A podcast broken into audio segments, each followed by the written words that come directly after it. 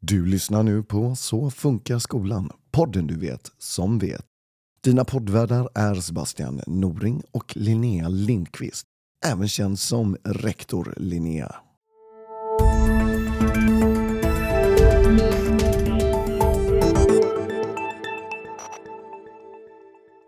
Linnea, jag eh, har tänkt på en sak. Du gjorde en liten insändare om alla som Nej, jag skrev en krönika på. Expressens ledarsida. Det gör jag varannan vecka.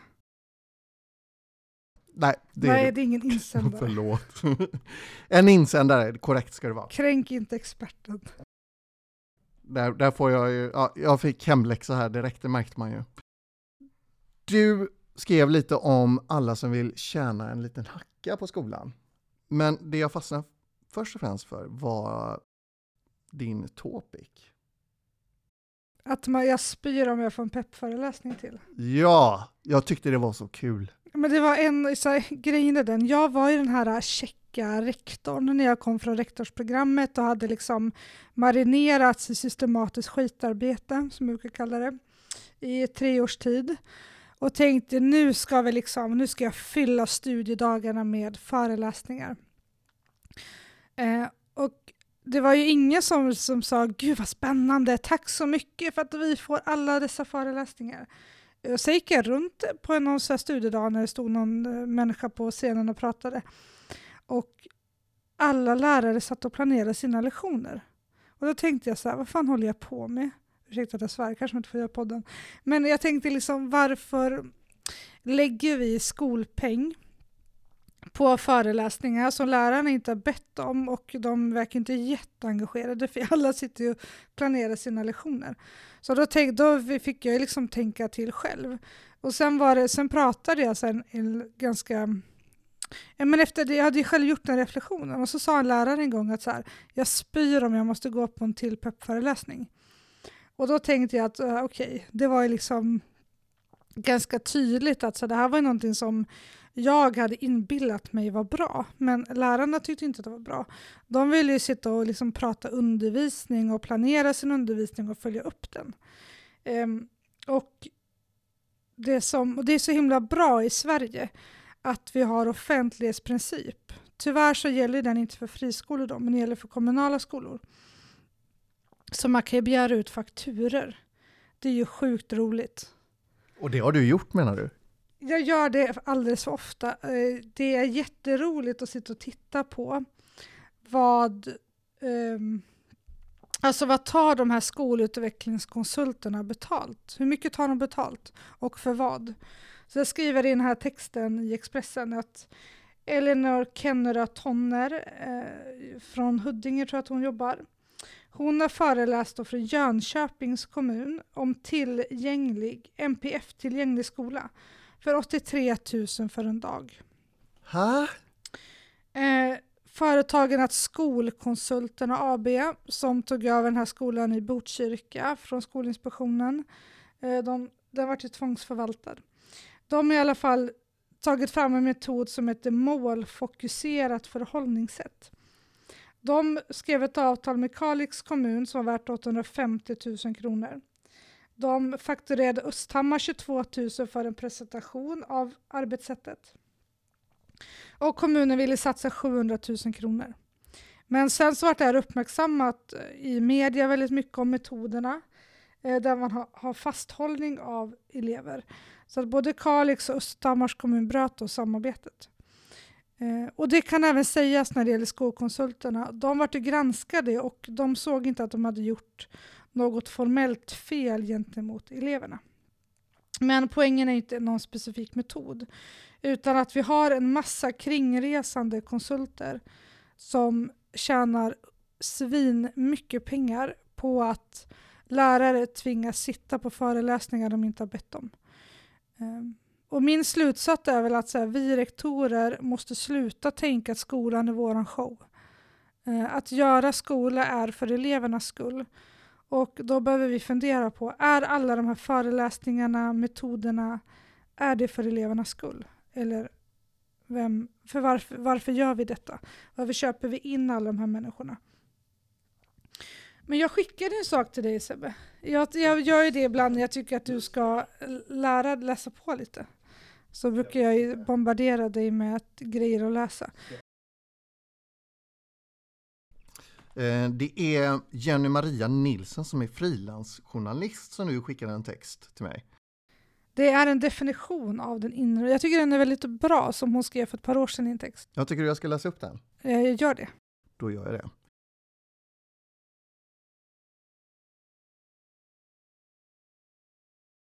Medan många känner till skolans yttre marknad, den som blev till med skolvalsreformen 1992, då aktiebolag fick börja driva skola i Sverige, är skolans inre marknad mer okänd. Skolans inre liv har de senaste 20 åren blivit en handelsplats där individer och företag kränger digitala verktyg, abonnemang, certifieringar, kurser och föreläsningar. Ibland flyger denna handel under begreppet fortbildning. Ja, det har jag ju hört rätt mycket. Fortbildning. Precis, och då tänker jag så här, lärare går på lärarutbildningen i flera år. Man har sin VFU, verksamhetsförlagd utbildning. Ehm, då är frågan, behöver lärarna gå på massa peppiga föreläsningar om ofta sånt som inte handlar om själva ämnet eller den undervisning de bedriver? Tidningen Ämnesläraren, de har ju frågat lärare om kvaliteten på fortbildning. Och det lärare svarade då, det är att de tvingas lyssna på inhyrda peppföreläsningar med pinsamt låg kvalitet och att skolledningen inte lyssnar på lärarnas behov av riktig kompetensutveckling. När lärare skriker, det här, skri, det här då Expressen i den krönikan. När lärare skriker efter fortbildning i sina ämnen svarar huvudmän med att anlita konsulter som föreläser om innovation och förhållningssätt. Att, som en viktig poäng tycker jag också som jag skriver att när lärare vittnar om att de inte får en enda minuts fortbildning i sitt ämne de undervisar i, då visar ju även huvudmännen att man förstår inte sitt uppdrag. Fattar du vad jag menar? Inte riktigt. Du får nog vidareutveckla. Nej men vad jag tänker är att så här, säg att du har lärare i historia eller religion eller fysik eller vilket ämne det än må vara. Då behöver ju lärare fortbildning i själva ämnet eh, och didaktiken. Eh, men det är väldigt få lärare som sitter på föreläsningar där man eh, diskuterar hur man på bästa sätt eh, undervisar om antiken till exempel. Men väldigt många går på föreläsningar om extra anpassningar, hur man eh, jobbar kring elever med neuropsykiatriska funktionsnedsättningar. Det är också viktigt, men det, är, det, det får inte bara vara det. Och det största problemet tycker jag är att mycket av fortbildningen för lärare sker inte in-house. Och det är så här, om man har en förvaltning med strateger, verksamhetsutvecklare, Eh, man har massa förstelärare i en kommun och så vidare, då borde ju fortbildningen kunna ske internt. Varför tar man in konsulter, kringresande konsulter? Det resande folket, det resande skolfolket. Varför uppmuntrar vi att det finns resande skolfolk när man skulle kunna sköta fortbildningen internt? Ja, för kompetensen bör ju finnas inom eh, själva eh, verksamheten som man redan bedriver. Egentligen tycker jag. Ja, men alltså, vi har ju till exempel massa förstelärare. De har, det är lite olika beroende på om man jobbar man i ett utsatt område som förstelärare. Då har man 120 000 extra per år i lön. Jobbar man i ett socioekonomiskt starkt område har man ungefär 60 000 per år i extra lön. Eh, och förstelärare låter ju som att du är den första, den bästa, den mest pålästa. Då borde den kunna, kunna ha intern, alltså fortbildning i kommunen, hur man undervisar om upplysningen till exempel, hur man gör laborationer i fysik. Eh, hur eh, förklarar man division för elever som är väldigt språksvaga? Då borde förstelärarna kunna ha ämnesdidaktisk fortbildning in-house som inte kostar något för kommunen. Istället för att köpa in massa checka konsulter som tar ockerpriser. Men vem är det som väljer att köpa in de här? Är det kommunerna som gör det eller är det skol... Vi har ju eh, SDN.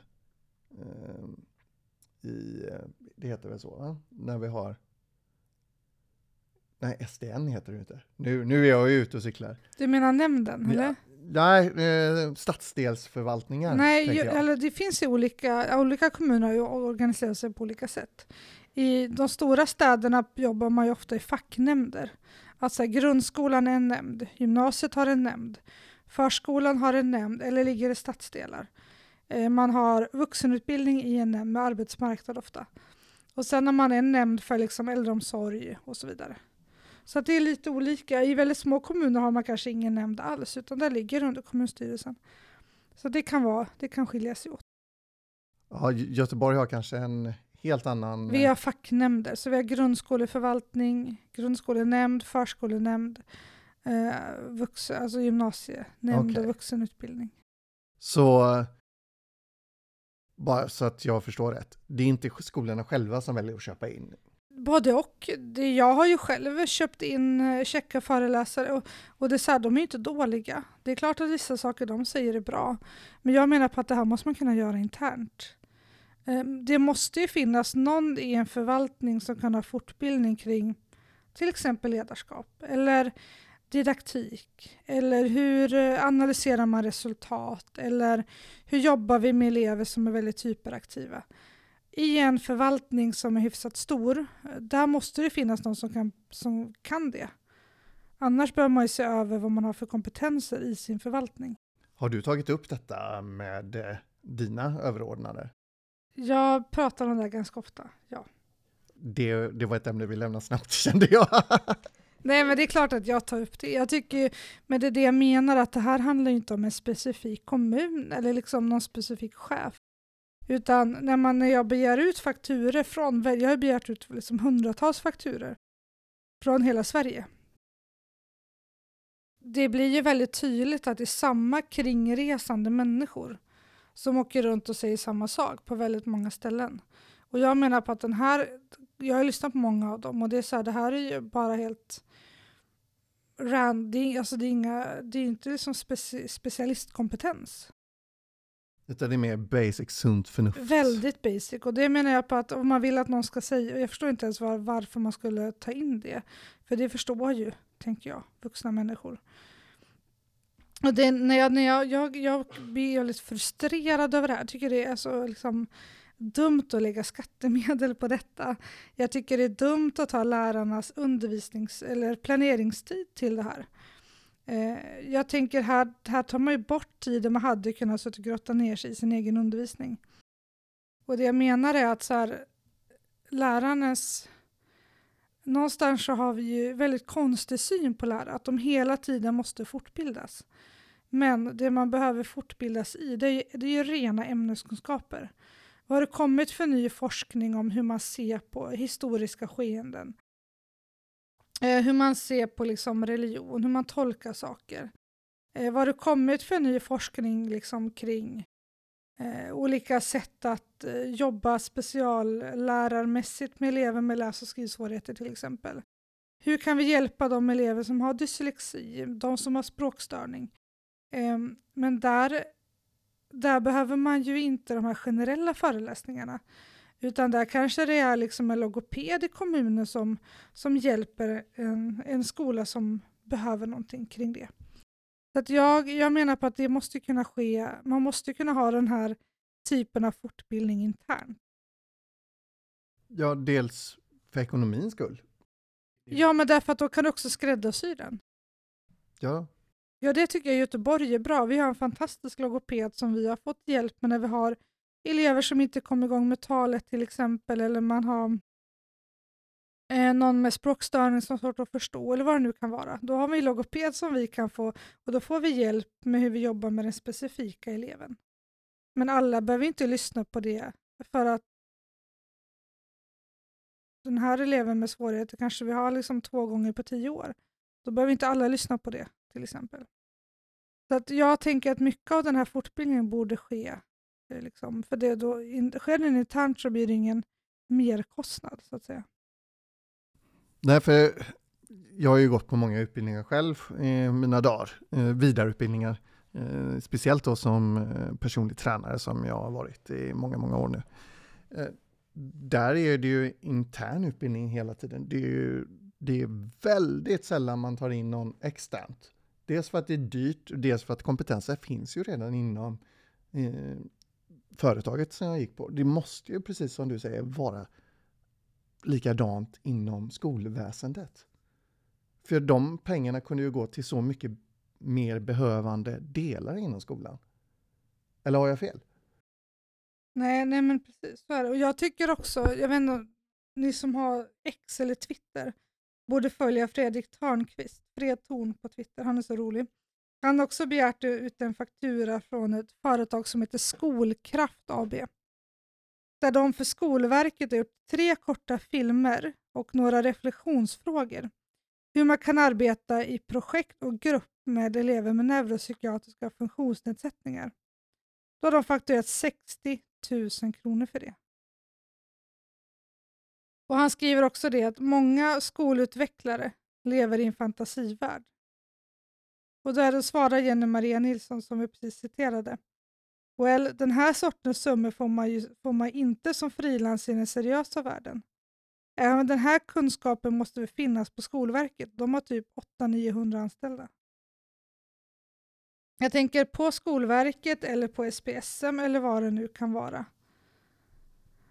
Eh, då blir jag så här, har inte de kompetens som man kan arbeta med NPF-elever? De måste vi kunna ge tre filmer och svara, skriva tio frågor själva. Det är jättekonstigt. Men har det inte blivit lite i ropet de senare åren att man ska ta in någon extern person?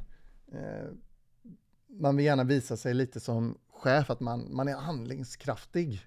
Om du förstår vad jag menar. Eh, så, så har jag fått det berättat för mig i alla fall eh, från de som jobbar inom förskolan. Att varför har man tagit in den här personen? Ja, varför? Alltså det finns ju liksom ett, ett skolresande folk. Alltså, och det är det att det här fortsätter vi rektorer och huvudmän att göda. Genom att vi anlitar dem. Bara sluta med det. Alltså på riktigt. Fråga lärarna så här, vilken fortbildning behöver du? Alltså 99 procent kommer svara ämnesfortbildning. Om jag undervisar i matte, då vill jag fortbildning i matte, i didaktik. Jag vill kanske sitta och grotta ner mig i hur lär man, hur, hur lär man ut tredjegradsekvationer? Det är kanske det jag behöver liksom grotta ner mig i. Och det behöver inte vara så svårt egentligen om det är en kommun som samordnar alla. Ja, men nu tar vi alla mattelärare och de som behöver extra eh, liksom utbildning inom detta samlar vi dem. Ja, är man, är man en liten kommun som andra kommuner runt omkring sig, då kan man ju samverka. Då kan ju liksom tio mindre kommuner köra ett gemensamt projekt med några experter som redan jobbar i någon av kommunerna. Så jag menar, det här, vi kan ju lösa fortbildningsfrågan utan att anlita resande konsulter. Det låter som, ju väldigt Som enkelt. kostar skitmycket pengar. Ja, det, det, det låter enkelt, men varför görs det inte? Nej, men det är också det att många av de här metoderna som man säljer in, de har ju, de har ju inte sin grund i liksom vetenskap.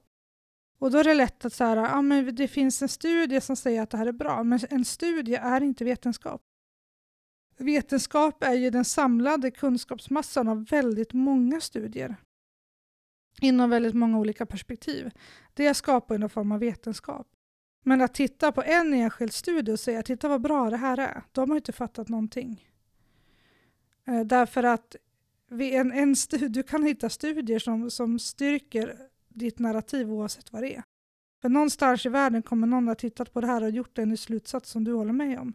Det betyder inte att det är vetenskap. Det betyder inte att det är bra för våra skolelever. Men om vi, om vi tar, pratar lite mer om utbildningen på individnivå då för lärarna. Hur går de tillväga för att lära sig nya saker? Så, I och med att det tas ju inte upp på de här fortutbildningarna. Är du med jag menar? Mm. Då, då, måste de lägga privat tid på att lära sig det nya eller vidareutveckla. Ja, alltså lärare har ju eh, lärare har ju det som kallas för förtroendetid. Så att man har ju liksom reglerad arbetstid där som rektor styr över. Och då kan jag bestämma att läraren ska vara på jobbet så här många timmar och vi ska ha så här mycket möten och så här mycket undervisningstid. Och sen utöver det så har man tio timmar i veckan förtroendetid och då kan man ju förkovra sig. Då kan lärarna läsa på och liksom fördjupa sig i någonting de behöver. Jag brukar tänka, eller så här, det var en facklig som sa det till mig någon gång när jag frågade dem så här, men hur ska vi tänka kring reglerad tid och förtroendetid.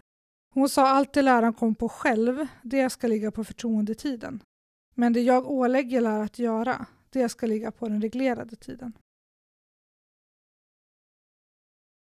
Ja, min hjärna går på högvarv som vanligt. Eh, jag kanske har lite konstiga frågor ibland, men det är för att jag inte förstår allt. Vilket jag hoppas att ni förstår syftet med den här podden. Det är att få en kännedom om hur allting fungerar. Vad har vi mer att prata om den skolans inre marknad? Nej, men jag tänker, skolans inre marknad är ju också ett symptom på jag menar att skolväsendet har blivit kommersialiserat, både utvändigt med den yttre marknaden, men även invändigt. Och det är någonstans när vi också har marknadiserat skolan på detta sätt, som är liksom helt eh, befängt. Nej, men så är det. Vi har ju, det valde ju politiker att göra för massa år sedan. Eh, det har ju fått konsekvenser, man har öppnat dammluckorna för all annan typ av kommersialisering. Och jag menar, jag, jag, Filippa Mannerheim är ju en lärare, gymnasielärare som är debattör också. Hon är så himla bra. Hon skrev någon gång på Twitter att um, de håller upp, hon la upp bilder från eh, menar, SPSM, Specialpedagogiska skolmyndigheten och Skolverket. Och det var väldigt mycket cirklar och pilar. Och man ställer frågan liksom, vart är vi, hur gick det, vart ska vi? Och det är också något slags antiintellektuellt. Jag menar, vi är högskoleutbildade, vi jobbar med utbildning, vi tar väldigt seriöst på vårt uppdrag. Då kan man ju inte hålla på med pilar och cirklar och sitta liksom lägga tid på att utvärdera och tolka och hålla på. Det är inte det vi behöver.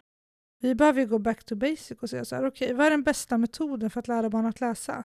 Den ska vi använda. Då grottar vi ner oss i det. Vi måste sluta med de här liksom metanivåerna. Metanivåerna? Jag menar att det blir väldigt så här, det blir ju på en väldigt övergripande nivå som har väldigt lite med undervisningen att göra. Och systematiskt kvalitetsarbete menar jag är svensk skolas största bluff. Därför att det handlar, om, det handlar i väldigt stor utsträckning om kommersialisering. Där det handlar väldigt mycket om yta, om utvärderingsmodeller, om pilar och cirklar. Men en utvärdering i skolan ska inte ta mer än 5-10 minuter. Man får fråga sig, det vi gjorde, funkade det bra? Blir svaret nej, då får man ju testa något annat. Sen behöver man inte utvärdera något mer. Men är det inte lite olika också beroende på, alla skolor jobbar ju inte riktigt på samma sätt? Nej, det är också ett problem att vi inte har reglerat skolan. Det kan vi prata om i ett annat avsnitt. Ja, men det känns som att det finns ett problem som man kan härröra längre upp i hierarkin, så att säga, om du förstår hur jag tänker. Eh, kan politikerna ändra på detta genom att komma med direktiv? Eller är det någonting skolorna själva behöver ändra? Nej, men det här kan politiker ändra på. Man kan ju också... Om jag hade fått bestämma, nu får jag inte det, för jag är inte politiker, men om jag hade fått bestämma, då hade ju jag sett till att, att alla lärare hade arbetstid liksom på universiteten varje år. Att alla lärare fick kvalificerad fortbildning på lärosätena i sin arbetstid varje år. För då släcker vi ut hela den hela det liksom skolutvecklingsindustrin. Då kommer den att dö. För ingen kommer att använda dem. Och då blir det kvalitetssäkrat och staten kontroll på vilken fortbildning lärare får. Och man har det liksom, ja, men till exempel så en vecka på sommaren så fördjupar du dig i dina ämnen till exempel på universiteten. Vad blir effekten då om det skulle göra så som du säger? Vad blir effekten till eleverna? Men eleverna får ju möta lärare som har eh, förnyad kunskap i, för det är så här, vi måste också gå tillbaka och prata mycket mer om våra ämnen. Eh, inte bara huret, eh, utan vi måste prata ämnen. Eh, hur djupa ämneskunskaper har lärare? Eh, jag tycker det är jätteviktigt att undervisa i matte och svenska eller SO, NO, teknik eller vad det nu kan vara. Då behöver ju du fortbildning i ämneskunskaperna. För det kommer ju ny forskning, det kommer ny, nya sätt att liksom förstå eh, vad som har hänt tidigare och framtiden och allt vad det är. Så jag menar ju på att staten borde ju garantera att alla lärare har kvalificerad fortbildning. Idag ligger fortbildningsansvaret på huvudmännen och på rektorerna. Och då blir det väldigt godtyckligt. Många köper in sig på lektionsdesign som inte har något med, med det har inget stöd i forskning, det finns inget som säger att det är bra.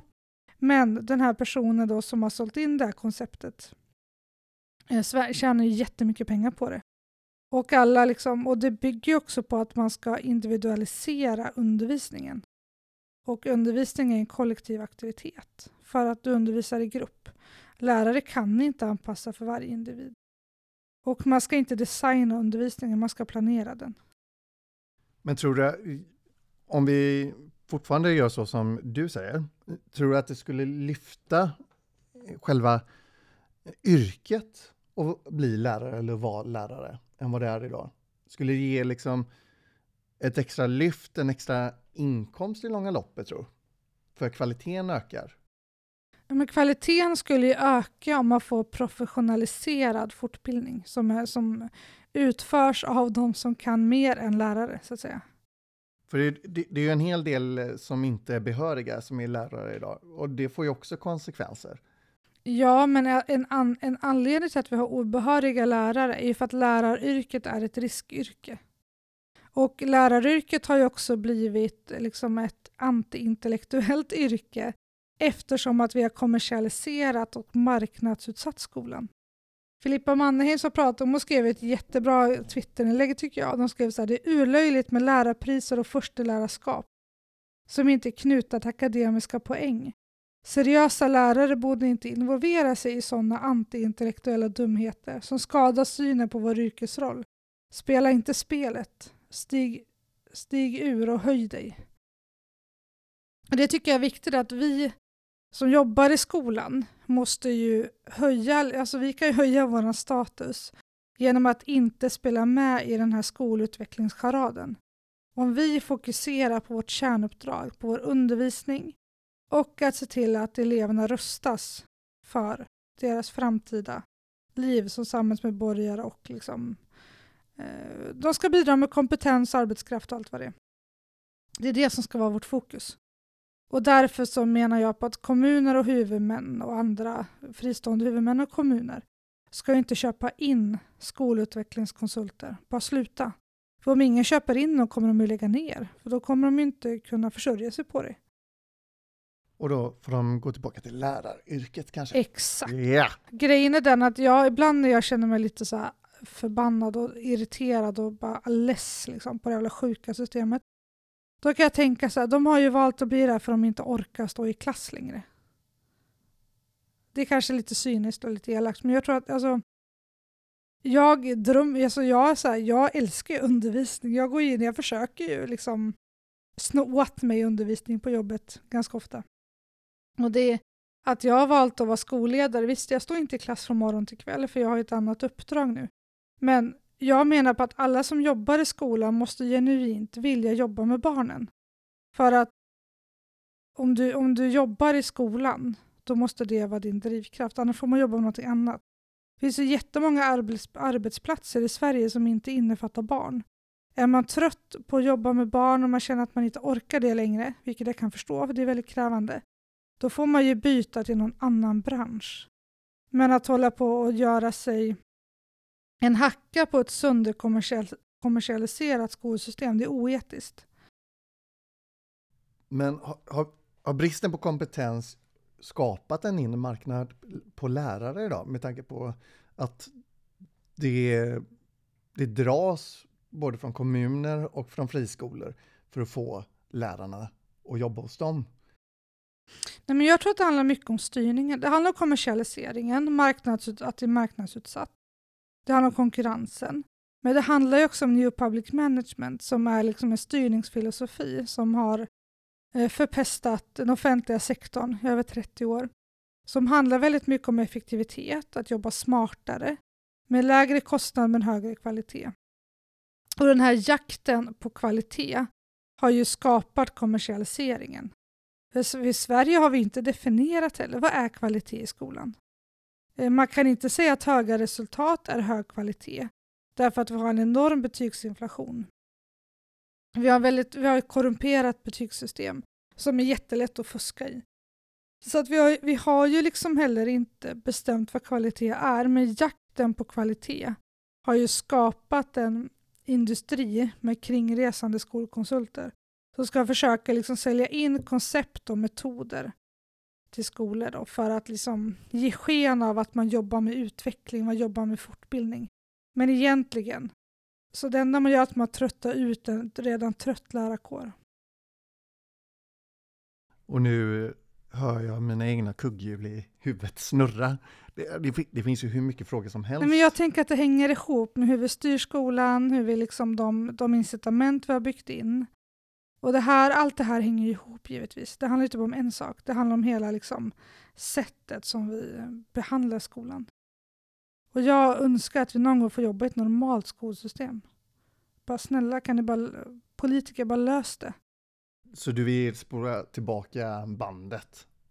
Nej men alltså jag, jag vill att läraryrket igen ska bli ett liksom, intellektuellt yrke. Där man faktiskt fokuserar på att lära barn saker. Det är inte lärarna som behöver särskilt stöd.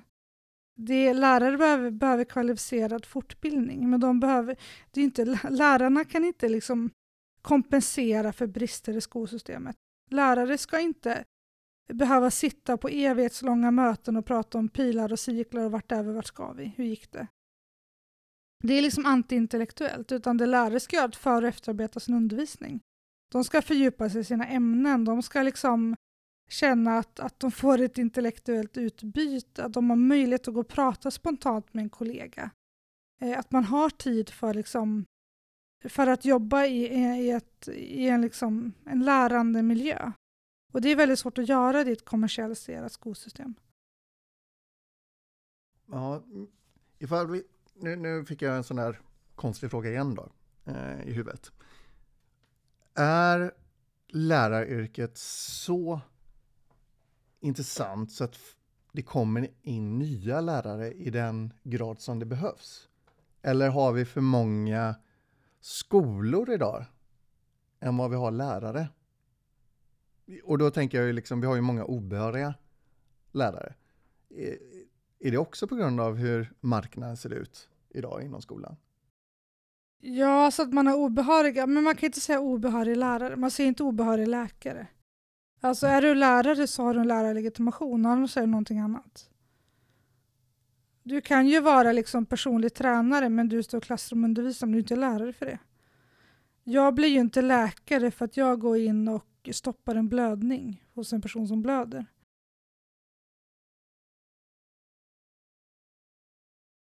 Ja, då kanske jag hade haft legitimation i och för sig. Ja, därför, jag har ju läst många som inte ens är lärare som fått hoppa in. Ja, men då undervisar man, du är inte lärare. Nej. Alltså undervisa kan man göra om man har ett annat yrke, men du kan ju inte vara lärare om du inte har lärarlegitimation.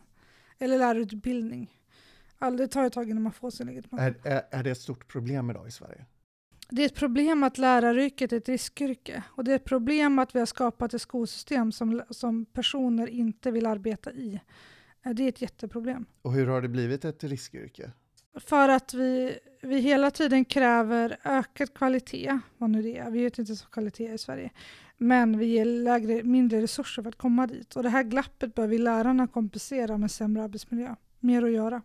Och större grupper? Är... Större klasser, mer undervisningstid. Man har ju mindre mindre frihet. Och friheten äts ju upp av marknaden så att säga. Inte av att man har liksom jättemycket, alltså man har ju mer undervisning att planera förvisso. Men det är också ett yrke som inte längre är intellektuellt och det är ett jätteproblem. Att man liksom inte kan, jag menar det finns ju jättemånga som liksom älskar sina ämnen, de är jätteintresserade av eh, vad det nu kan vara, vad man undervisar i.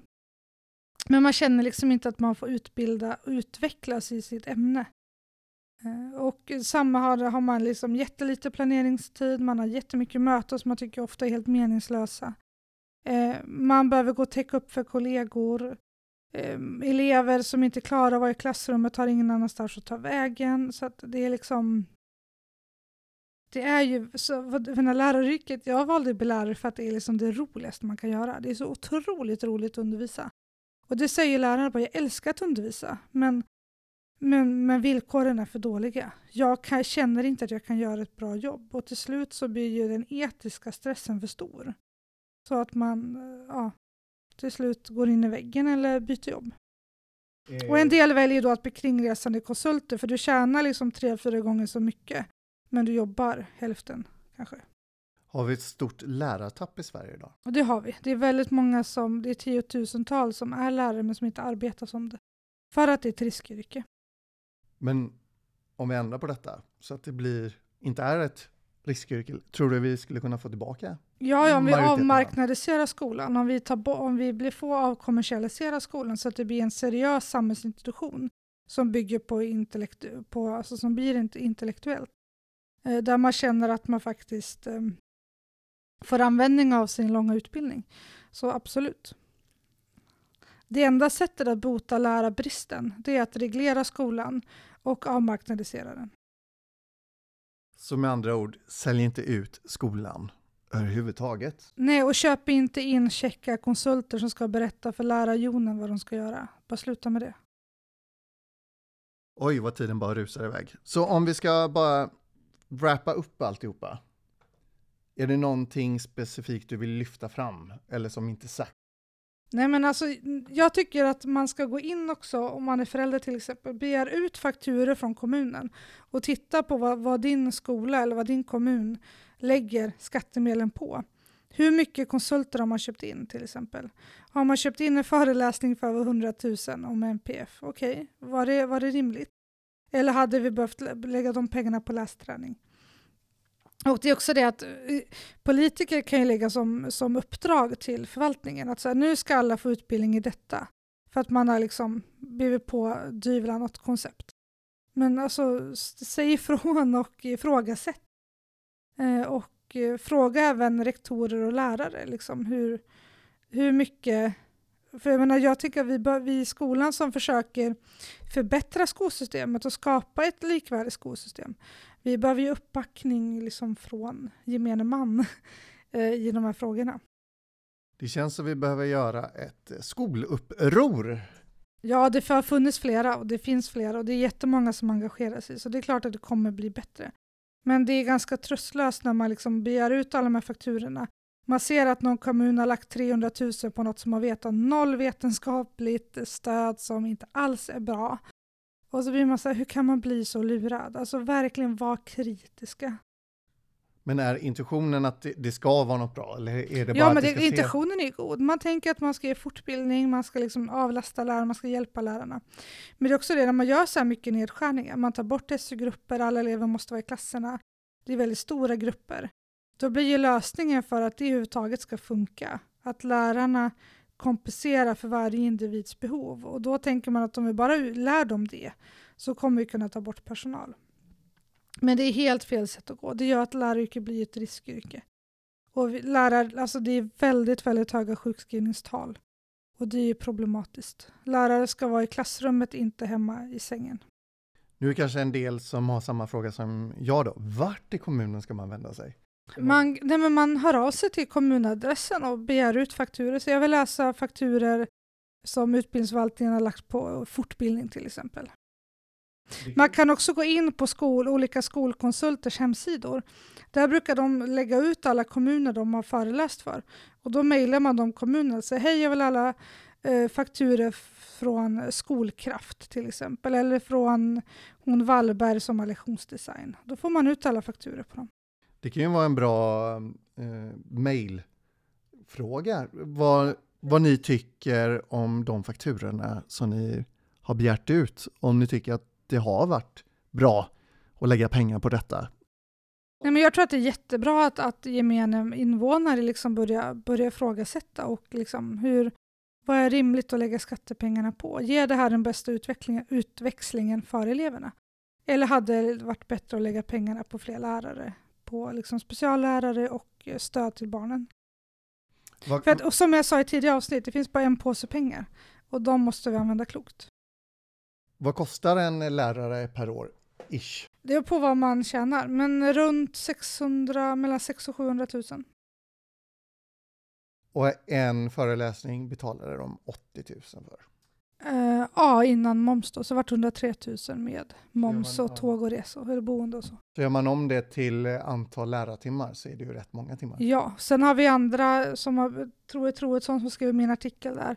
Han, är, han har ju fakturerat 280 000 en kommun under ett par år, så det, det är rätt stora summor. Någon hade fakturerat var det 300 000 och så där, så det är, eller skolkonsulten var som hade 280 000 tror jag.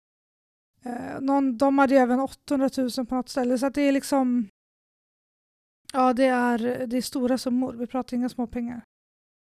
Ja, det är helt galet. Eh, Det bästa med våran podd är att vi kan fakturera oss själva genom att fakturera en kopp kaffe ibland, men du dricker ju ingen kaffe. Nej, precis. Nej. Jag dricker inte kaffe, jag kör vatten. Det är Ja, min melodi. Så då får du fakturera ett glas vatten. Kanske börja med champagne sen, vi får se. Beroende på hur många det är som lyssnar. Oh. Eh, vart skulle jag dricka den, sa du med dig? Men därmed får vi tacka för oss. Glöm inte nu att gå in på vår hemsida safunkarskolan.se och läs mer om lite olika artiklar, poddar. Vi kommer lägga ut en hel del där framöver. Tack så mycket önskar jag och Linnea. Yes, vi hörs nästa vecka igen. Det gör vi. Ha det bra nu. Hej.